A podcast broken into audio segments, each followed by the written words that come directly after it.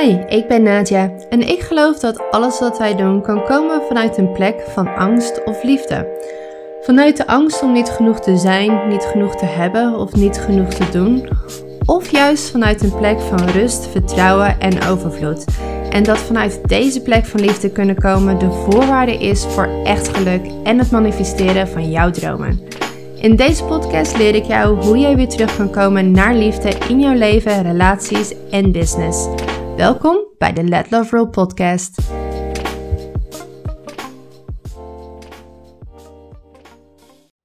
Welkom, welkom.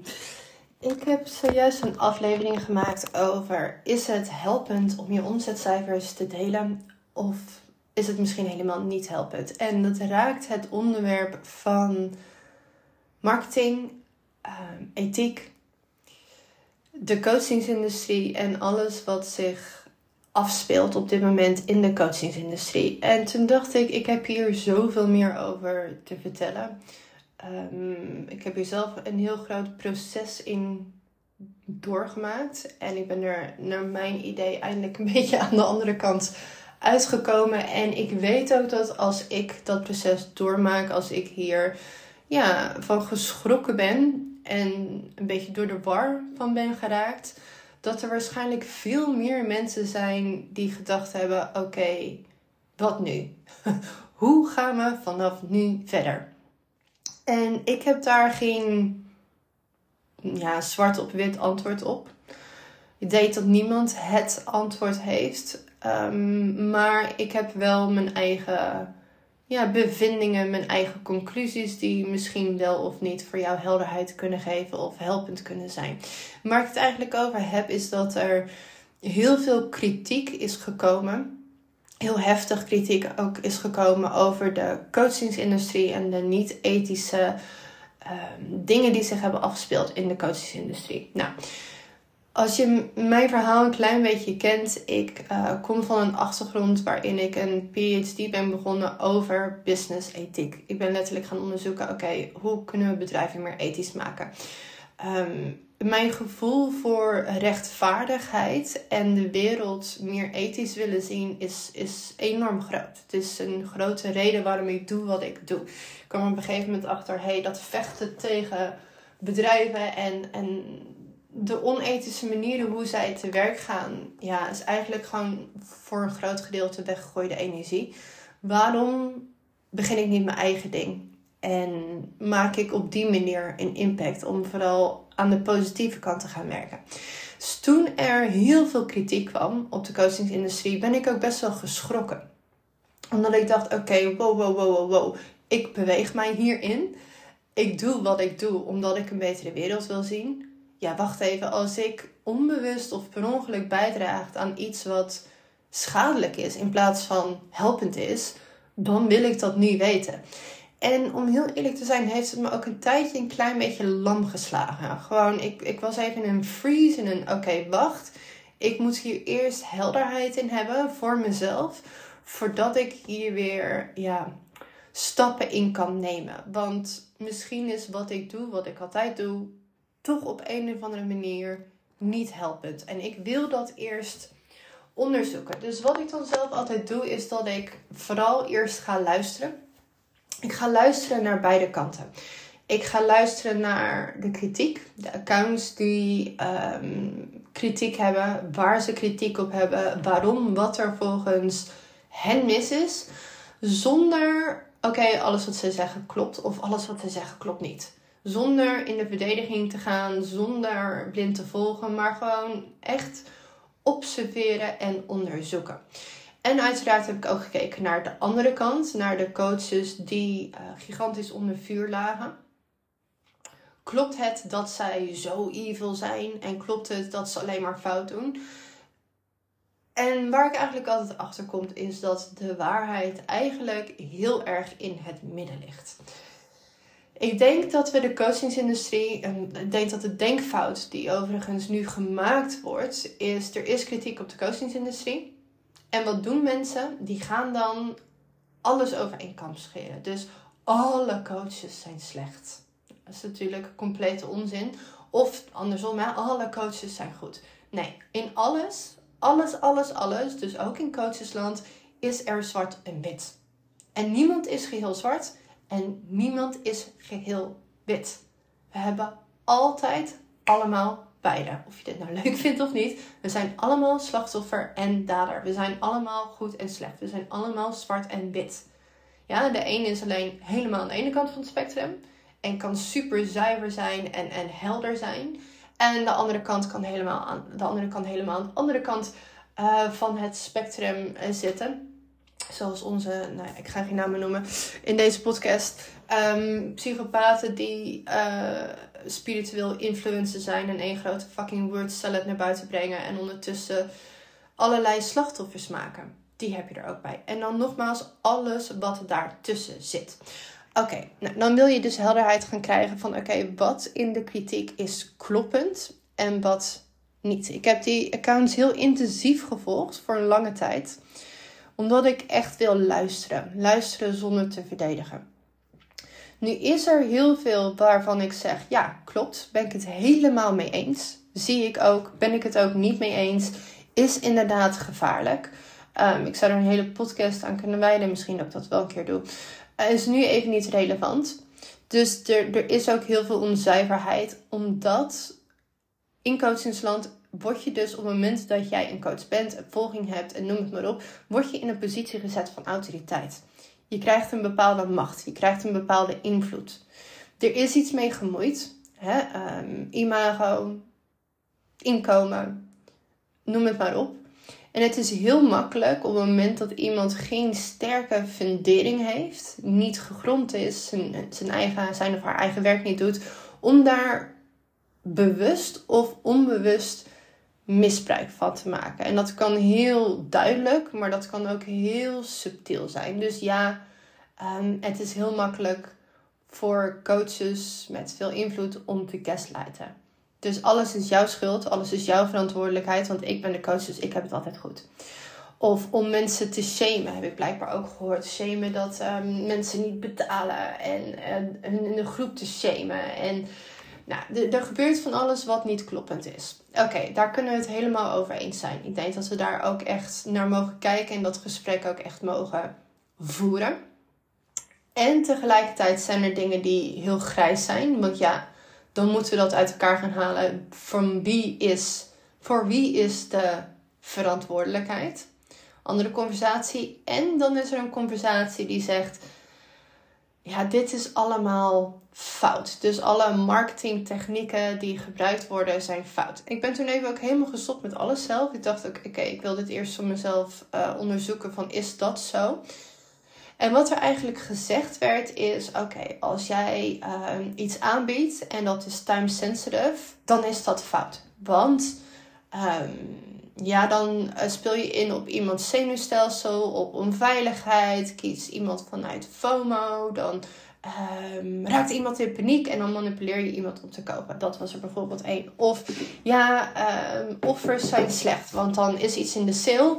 En dan moeten mensen kopen, of dan, dan zijn mensen geneigd om te kopen. En dan andere mensen die hebben die deal niet. Of kopen mensen omdat ze denken dat dat nu goed is. En terwijl dat misschien volgend jaar ook weer komt. Nou, dat zijn allemaal um, punten van kritiek die zijn gekomen. Die ik zelf heb moeten onderzoeken van, goh, ga ik ooit nog iets aanbieden wat tijdsensitive is? Ga ik ooit nog een deal aanbieden? Ga ik ooit nog een early bird ticket doen? Of ben ik dan onethisch of slecht bezig? wil ik rauw eerlijk naar kijken. En ik wilde ook kijken wat er bij mezelf eigenlijk um, speelde. Dus ik ben toen heel erg de andere kant op gegaan. Of tenminste de andere kant op, laat ik het zo zeggen. Ik ben even heel voorzichtig geweest.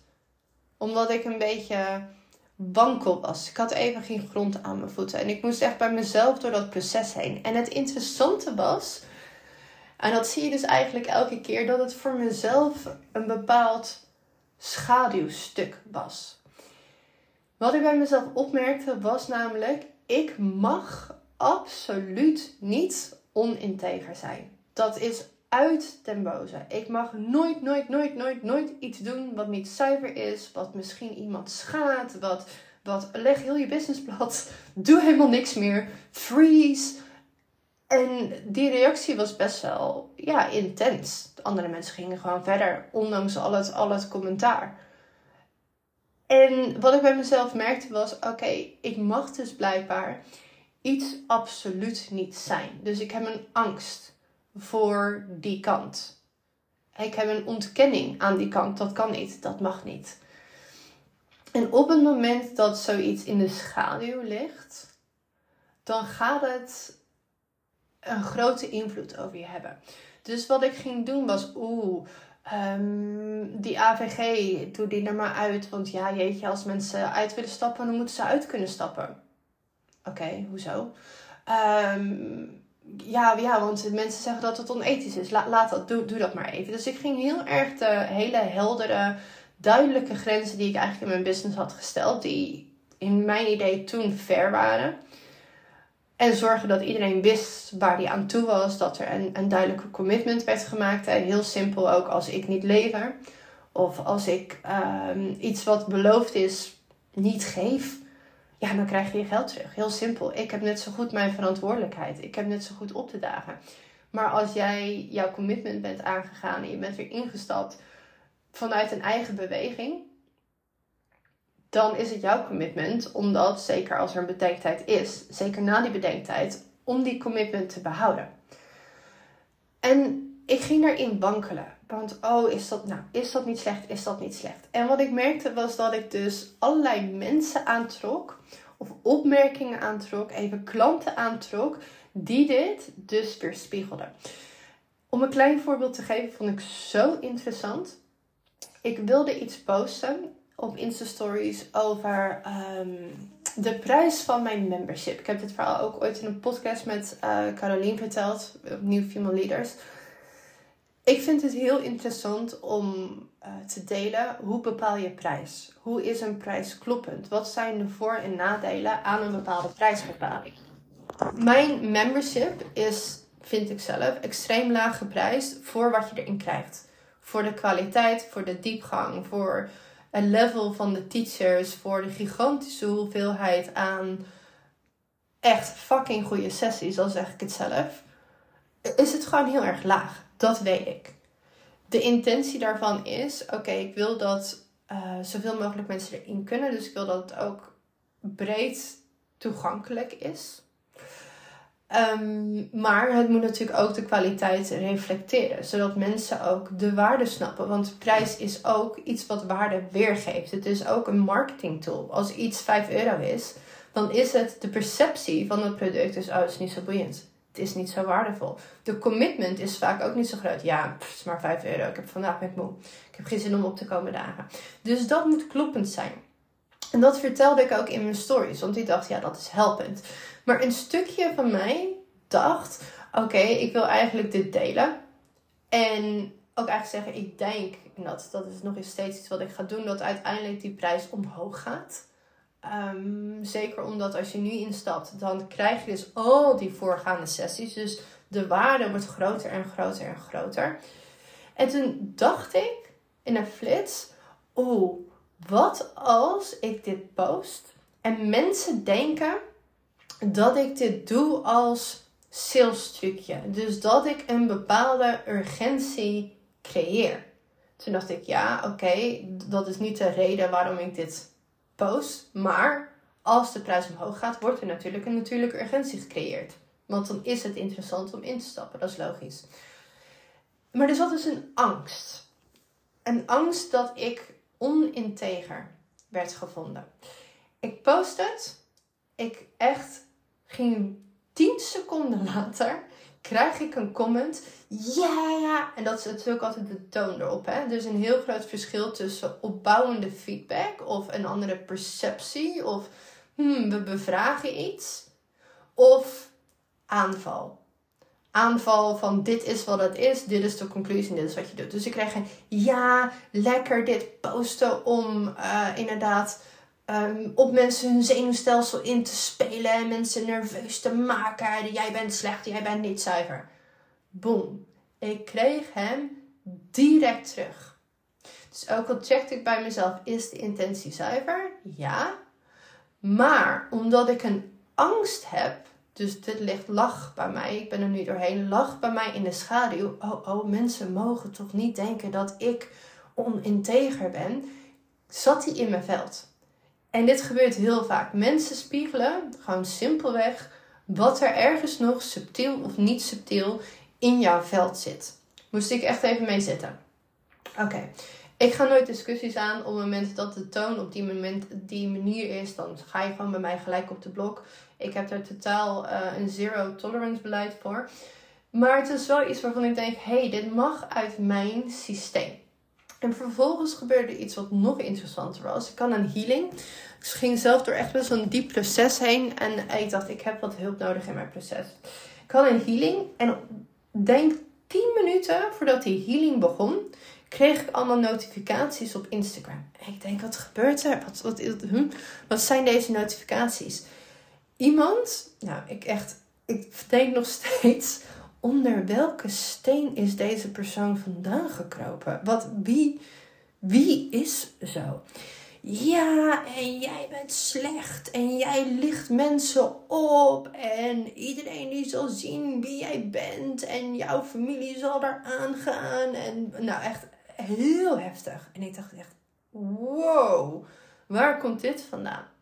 Nou, persoon op, dat was ook allemaal openbaar op de comments, persoon op de blog gezet, maakte een nieuw account aan. Allemaal van die vage vage accounts met don't block me en je gaat eraan en jij oplichter en wow. Nou, en ik heb echt zes keer die persoon op de blog gezet, zes keer een nieuw account aangemaakt en ik ging die healing in. Dus ik dacht, ja, weet je, succes ermee, ik ga mijn healing in. En die persoon ging helemaal los tijdens de healing. Super interessant, want ik stapte dat veld in en in die healing kwam eigenlijk ook naar voren dat in een familiesysteem waarin dingen ehm, niet constructief zijn, om het zachtjes uit te drukken.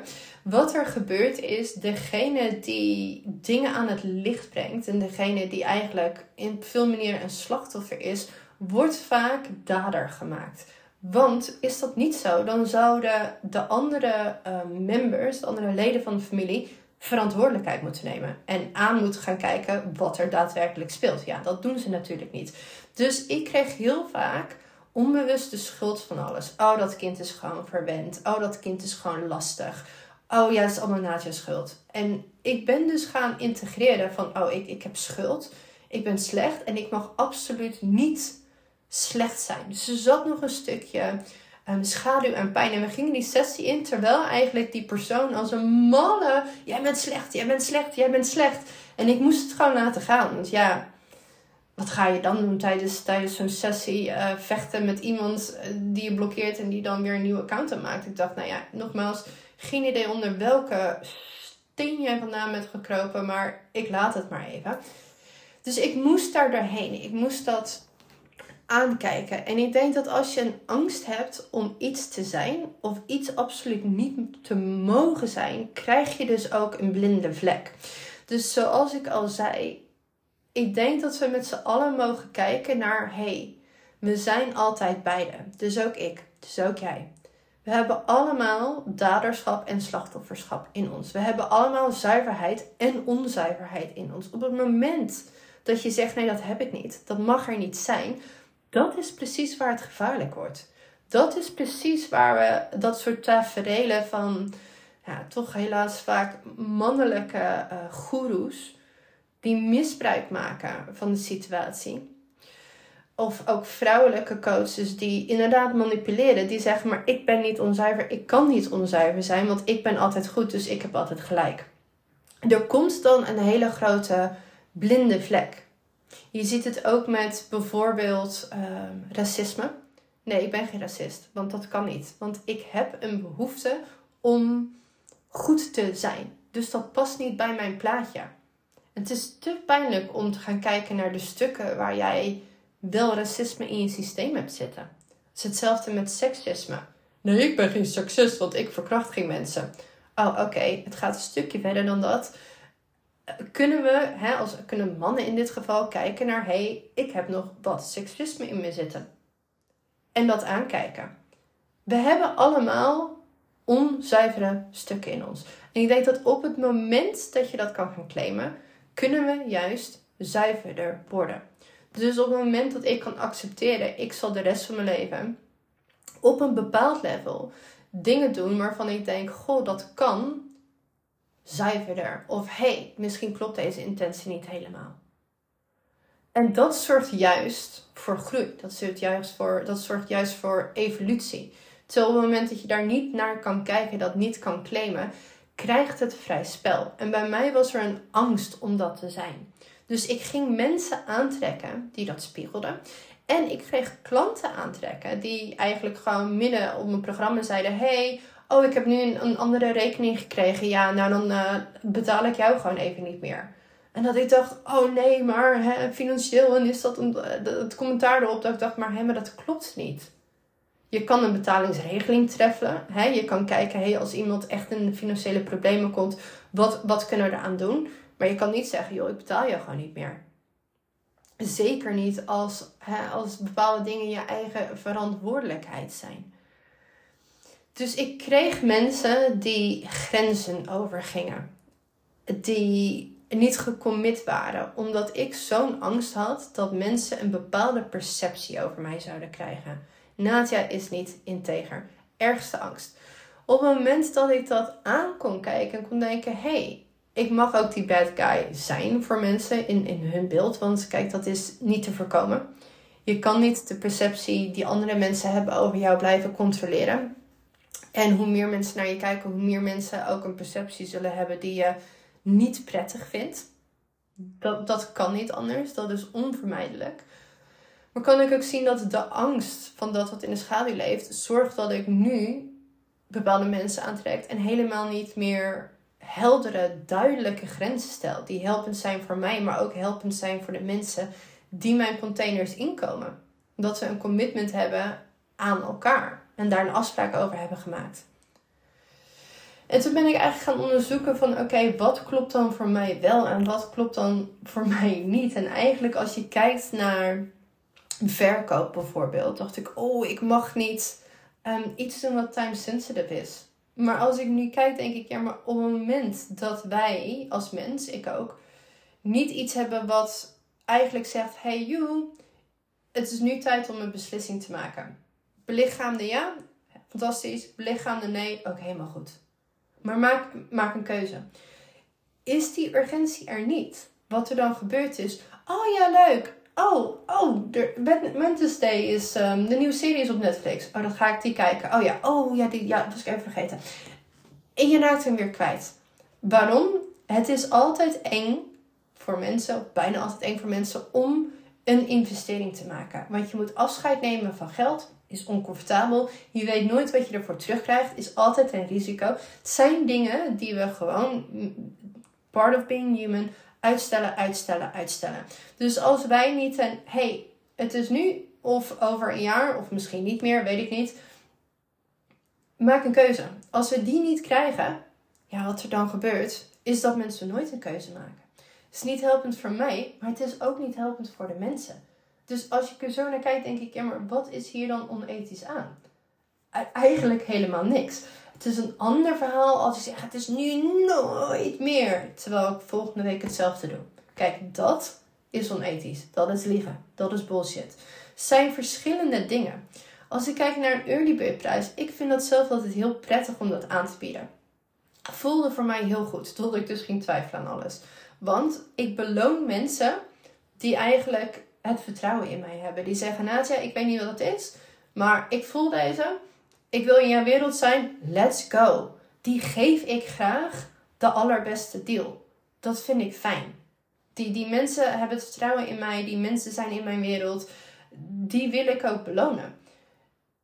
En op een gegeven moment is het laat, ja, dan gaat de prijs iets omhoog, gaat de prijs iets omhoog. Dus wat het bij mij ook doet, is dat ik de mogelijkheid geef om voor iedereen een prijspunt te geven. Want sommige mensen interesseert het niet, willen gewoon langer erover nadenken en die denken, oh, nou, maakt mij niet uit dat het wat duurder is.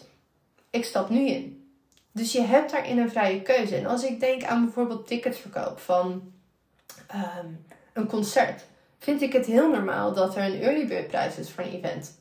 En dat die prijs daarna omhoog gaat. Geen haan die daarna krijgt. Niemand die zegt: Oh mijn god, bieden jullie nou een early bird ticket aan voor dit concert? oh my god, dat is zo onethisch. Nee, denk gewoon, oh chill, ik heb de early bird nog te pakken. Maar waarom dan, als het zo'n service is in de coachingsindustrie, is dat in één keer wel onethisch? Hoe dan? Ik, ik, moest er zelf even doorheen, maar als ik het nu vergelijk met een winkel, vergelijken met een, een ticket-event, een concert, vind ik het heel normaal. Hetzelfde met, oh mag ik dan nog wel af en toe iets in de aanbieding doen waarvan ik denk, hey dit is vet, ik heb een um, verjaardagsactie gedaan waar ik echt dacht, hier, ik wil geven, ik wil impact maken, ik wil er een feestje van maken. Maar toen dacht ik, oh mag dat wel? Want ja, mensen die twee jaar geleden dit programma hebben gekocht, hebben dan misschien meer ervoor betaald. Maar als ik dat ga onderzoeken en ga bedenken, hé, maar kan je je voorstellen dat ik, weet ik veel, een camera koop in de winkel. En twee jaar later is die camera in de aanbieding, want het is Black Friday.